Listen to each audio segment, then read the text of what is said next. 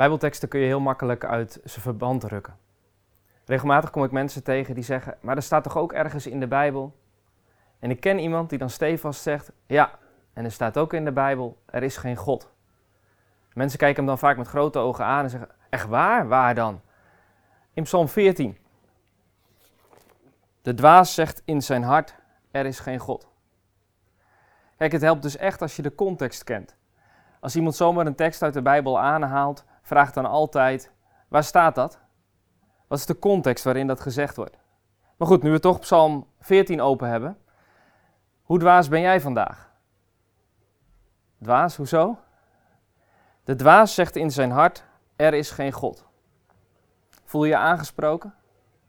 Ik zal maar eerlijk zijn. Ik niet. Ik zeg niet: er is geen God. En ik vermoed dat jij dat ook niet zegt. Misschien twijfel je wel eens aan het bestaan van God. Zou er wel iets zijn? Je weet het niet. Maar zeggen dat er geen God is, dat gaat toch wel een stap te ver.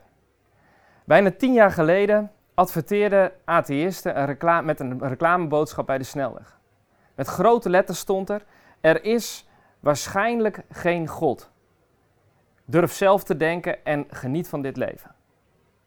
Zelfs atheïsten, dat betekent letterlijk zonder God, durven al niet met zekerheid te zeggen dat God niet bestaat. Ze adverteren met: er is waarschijnlijk geen God. Het valt dus wel mee met het aantal dwazen. Nou, dat valt volgens Psalm 14 vies tegen. De Heer heeft uit de hemel neergezien op de mensenkinderen om te zien of er iemand verstandig was. Iemand die God zocht. Ze zijn allen afgedwaald. Tezamen zijn zij verdorven, er is niemand die goed doet, zelfs niet één. Oké, en waar komt dat dan ineens vandaan? Die had ik niet aanzien komen.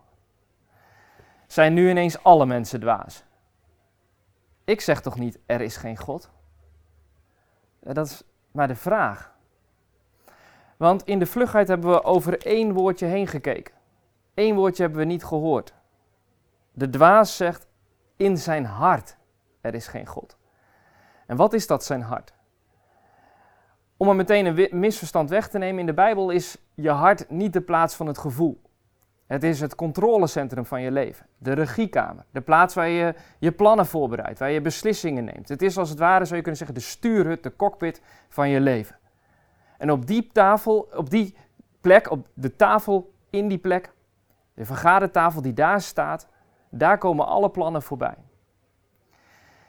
En wat geeft er dan uiteindelijk de doorslag bij de beslissingen die je neemt? Wie is bepalend voor de beslissingen die je neemt? En de dwaas zegt in zijn hart, bij die tafel, er is geen God. Anders gezegd, hij geeft God geen ruimte aan de vergadertafel.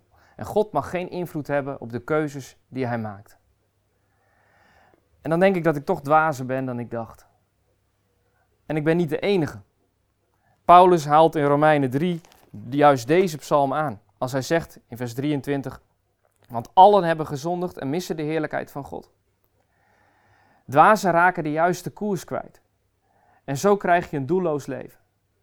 Maar God wil ons niet zo laten. En Paulus schrijft direct daarna, want allen hebben gezondigd, maar worden ook om niet gerechtvaardigd door zijn genade, door de verlossing in Christus Jezus. Hij wil je door Jezus terugbrengen tot je doel. En daarom is het wijs om Hem toe te laten in je hart en op Hem te vertrouwen.